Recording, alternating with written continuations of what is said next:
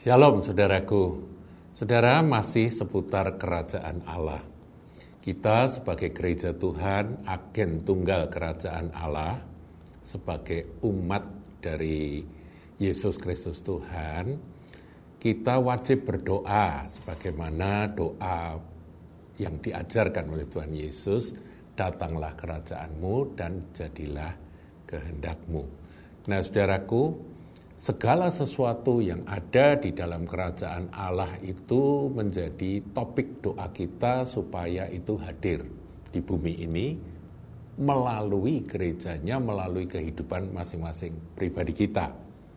Kita berdoa, Tuhan datang kerajaanmu, semua yang ada di dalam kerajaanmu kiranya mengalir dan terjadi di bumi ini. Begitu ya saudara. Itu prinsip dari doa umat Tuhan. Pagarnya itu adalah apa yang ada dalam kerajaan Allah. Nah saudara kalau kita belajar berkali-kali sudah saya singgung, tapi ini kita ulang. Roma 14 ayat 17, eh, Rasul Paulus mengatakan bahwa sebab kerajaan Allah bukanlah soal makanan dan minuman, tetapi soal kebenaran, damai sejahtera, dan sukacita oleh Roh Kudus. Nah, ini yang harus kita doakan, saudaraku. Kebenaran itu mengalir, turun melalui kita, melalui gerejanya, dan juga datang turun pada tempat-tempat, pada kelompok-kelompok manusia yang kita doakan. Kebenaran datang, dan kebenaran adalah Yesus Kristus Tuhan. Jadi kita berdoa supaya uh, Kristus dinyatakan pada siapa saja. Itu kan merupakan e, pengejawantahan dari doa Bapa kami datanglah kerajaanmu. Ini bukan soal makan minum. Jadi kalau orang bilang wah kerajaan Allah itu nanti pesta pora, kita makan minum, makanan apa saja tersedia di sana. Itu bukan itu, bukan itu. Ya, kita nanti uh, uh, tidak akan ke sana ya. Jadi pikiran kita nggak akan ke sana. Tapi saya sudah sampaikan saudaraku bahwa selama kita hidup di bumi kita butuh makanan dan penyediaan yang dari sorga itu tidak kurang-kurang. Contohnya adalah peristiwa mujizat lima roti dua ikan. Ya, jadi itu pegangan kita. Tapi kalau kerajaan Allah sesungguhnya itu yang lebih penting adalah bukan soal makan minum, itu soal kecil tapi soal kebenaran. Yesus Kristus yang adalah jalan kebenaran dan hidup, damai sejahtera dan sukacita oleh Roh Kudus. Itu kerajaan Allah. Nah, kemudian juga dinyatakan oleh Rasul Paulus dalam suratnya 1 Korintus 4 ayat yang ke-20. Sebab kerajaan Allah bukan terdiri dari perkataan, bukan hanya sekedar omong-omong saja. Bukan, saudaraku, bukan perkataan saja, tetapi dari kuasa dunamis.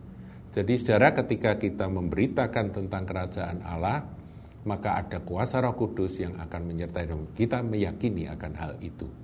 Sebab ini bukan sekedar kata-kata yang indah, kata-kata yang bagus, tapi ada kuasa yang memerdekakan. Karena Injil adalah kuasa Allah yang menyelamatkan.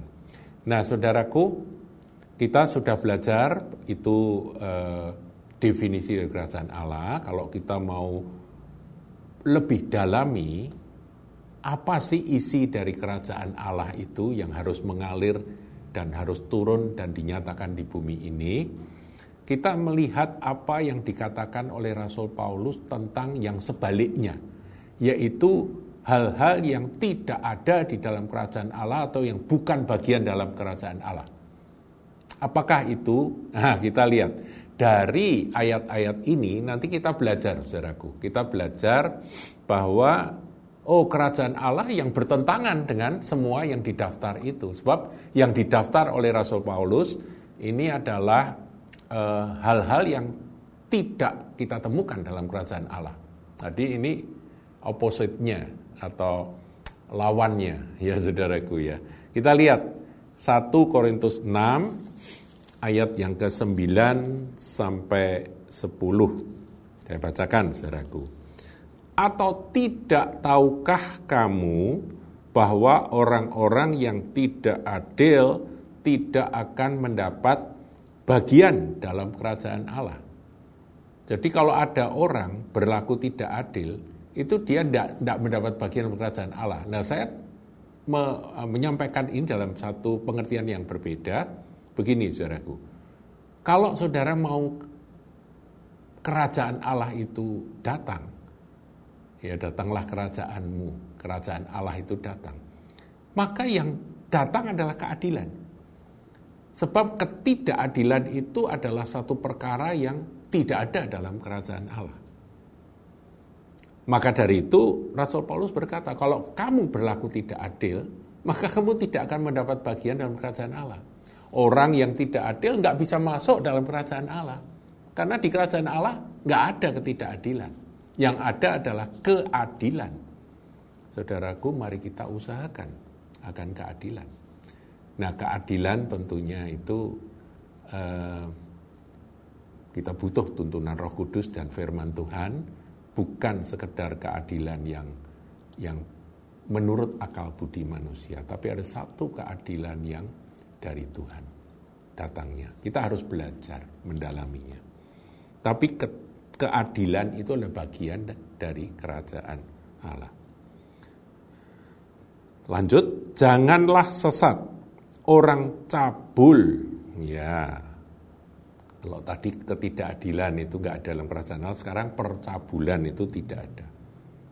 Jadi kalau orang melakukan percabulan, maka dia tidak bisa membawa akan dosa percabulan itu masuk dalam kerajaan Allah. Nggak bisa.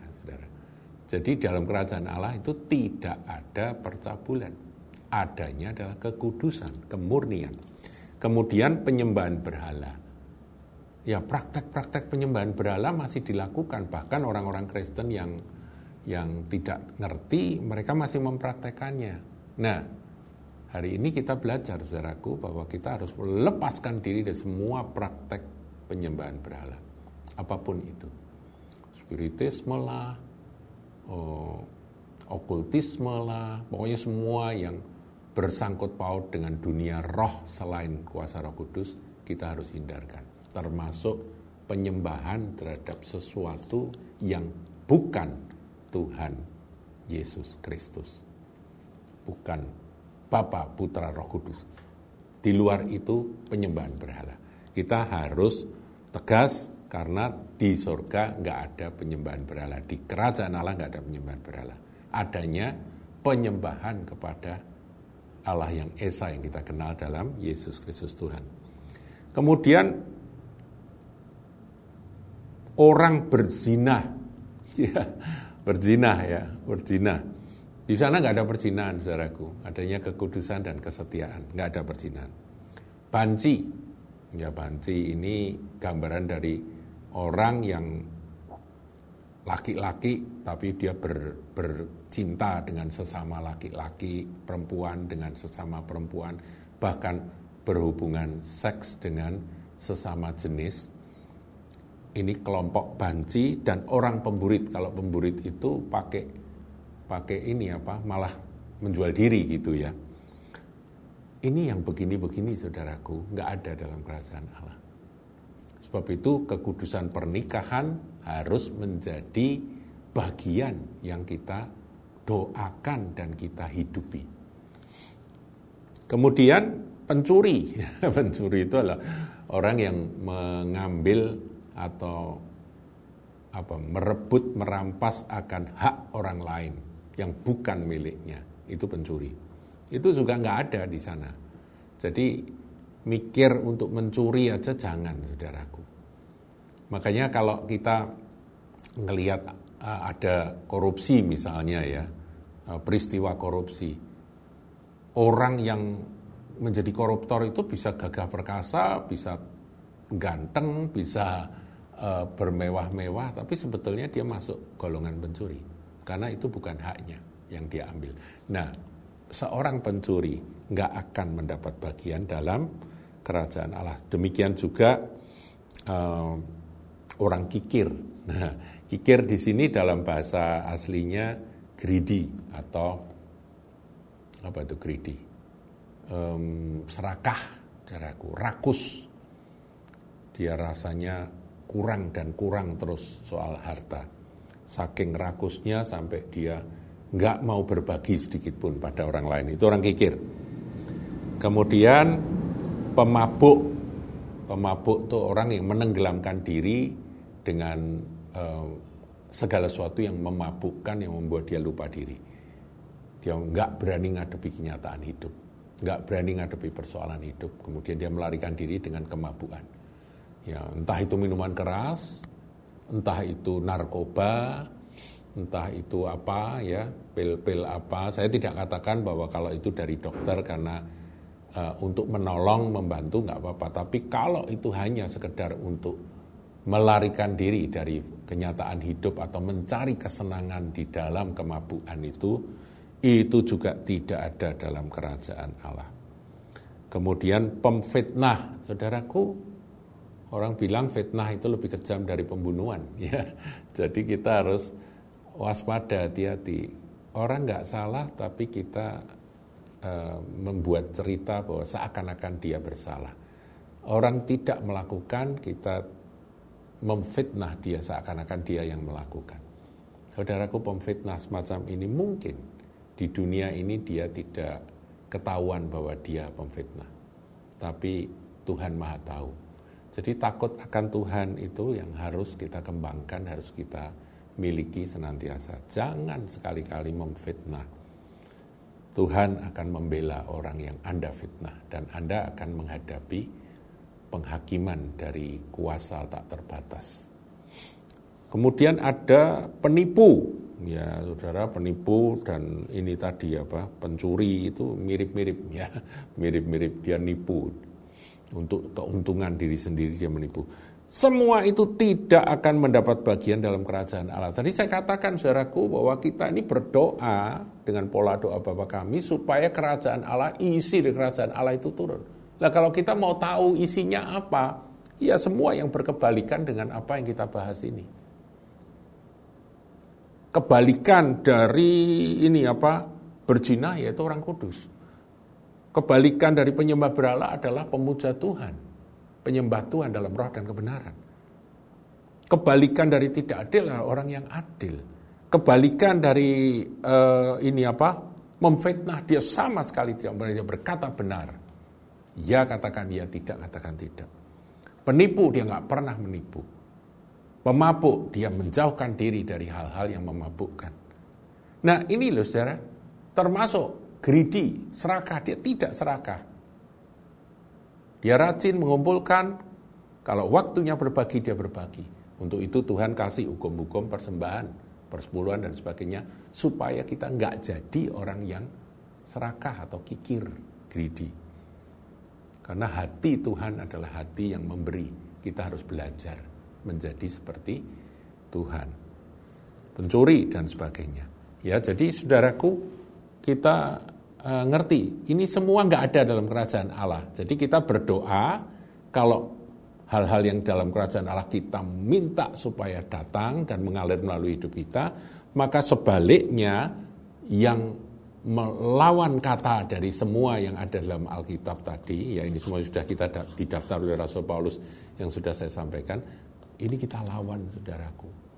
Keluar dari hidupku, keluar dari gereja tempat aku beribadah, keluar dari keluargaku. Pergi di dalam nama Yesus, kita usir dan kita hindari yang kita jauhi. Dengan takut akan Tuhan dan pertolongan kuasa roh kudus, kita akan dimampukan untuk hidup dalam kerajaan Allah sejak sekarang karena kerajaan Allah semua ya apa unsur kerajaan Allah itu datang dan memenuhi kita. Haleluya. Saya pertegas saudaraku Galatia 5. Jadi Rasul Paulus itu mengulang-ulang akan hal itu. Di dalam Galatia pasal yang kelima, ayat yang ke-19 ada daftar tentang perbuatan daging. Nah saudara masalahnya kita ini kan daging saudara tetapi kita juga menerima Roh Kudus. Nah, kita harus mentaati Roh Kudus, hidup di dalam Roh, hidup dipimpin Roh, bukan menuruti keinginan daging saja. Nah, kemudian dikatakan di dalam Galatia 5 Ini tentang daging dan roh ya. Ya kalau judul perikopnya hidup menurut daging atau roh. Kemudian kita lihat mulai ayat 19, perbuatan daging telah nyata, yaitu percabulan, kecemaran, hawa nafsu. Saya nggak ulangi, saudaraku, ini mirip seperti tadi. Penyembahan berhala, sihir, perseteruan, perselisihan, iri hati, amarah, kepentingan diri sendiri, percideraan, roh pemecah, itu semua kedagingan, saudara. Dan ini Rasul Paulus mengingatkan jemaat orang Kristen yang ada di Galatia supaya hati-hati mewaspadai semua. Karena kalau itu dilanjutkan saudara, ayat 21, kedengkian, kemabukan, pesta pora, dan sebagainya, terhadap semuanya itu kuperingatkan kamu seperti yang telah kubuat dahulu. Di mana-mana Rasul Paulus itu menyampaikan kebenaran ini. Bahwa barang siapa melakukan hal-hal yang demikian, ia tidak akan mendapat bagian dalam kerajaan Allah. Ini tidak ada dalam kerajaan Allah. Yang ada apa? Lawan katanya. Semua, saudara. Lawan kata, saya cari sendirilah lawan katanya. Dan di bawah di daftar tentang buah roh, yaitu kasih, sukacita, damai sejahtera, dan sebagainya. Itu semua yang ada di dalam kerajaan Allah. Mari saudaraku, doa pola Tuhan Yesus, doa model Tuhan Yesus ini kita kembangkan. Bukan hanya doa, tetapi bertindak. Bukan hanya doa dan bertindak, mari kita cari hal-hal dalam kerajaan Allah. Kita selidiki, nah, kita sudah menyelidiki, sudah mengetahui, dan sekarang kebenarannya sudah kita ketahui ya, carilah dahulu kerajaan Allah dan kebenarannya. Maka nanti sekaliannya akan Tuhan tambahkan kalau itu jadi yang utama dalam pencarian kita. Nah kemudian eh, kita juga eh, memberitakan. Beritakanlah akan kerajaan Allah. Jadi semua yang baik ya, Beritakanlah kasih, beritakanlah sukacita surgawi, beritakanlah damai sejahtera, beritakan, ajarkan kesabaran, kemurahan, kebaikan, kesetiaan, kelemah lembutan, penguasaan diri dan sebagainya. Sebagaimana tadi kita memberitakan keadilan, memberitakan kekudusan, memberitakan akan uh, penyembahan kepada kepada Dia dalam roh dan kebenaran. Kesucian dalam pernikahan, kekudusan dalam hal keuangan, jangan korupsi, jangan mencuri. Kemudian eh, bagaimana sikap kita terhadap harta yang sementara ini. Jangan jadi orang serakah, jangan jadi orang kikir. Itu semua harus kita doakan, saudaraku. Dan doa-doa kita, berita kita yang kita sampaikan ke saudara-saudari kita, saling menguatkan, saling menasehati, ini nanti akan menjadi budaya dalam gereja Tuhan. Dan ketika budaya kerajaan Allah itu ada di gereja Tuhan, Tuhan berkenan dan revival akan terjadi. Saudaraku, mari kita mulai dari diri kita sendiri. Kita berdoa fokus, datanglah kerajaanmu, jadilah kehendakmu. Di dalam hidupku, dalam keluargaku, di kotaku, di bangsaku Indonesia, bahkan di bumi, seperti kerajaan Allah yang ada di surga. Tuhan Yesus berkati.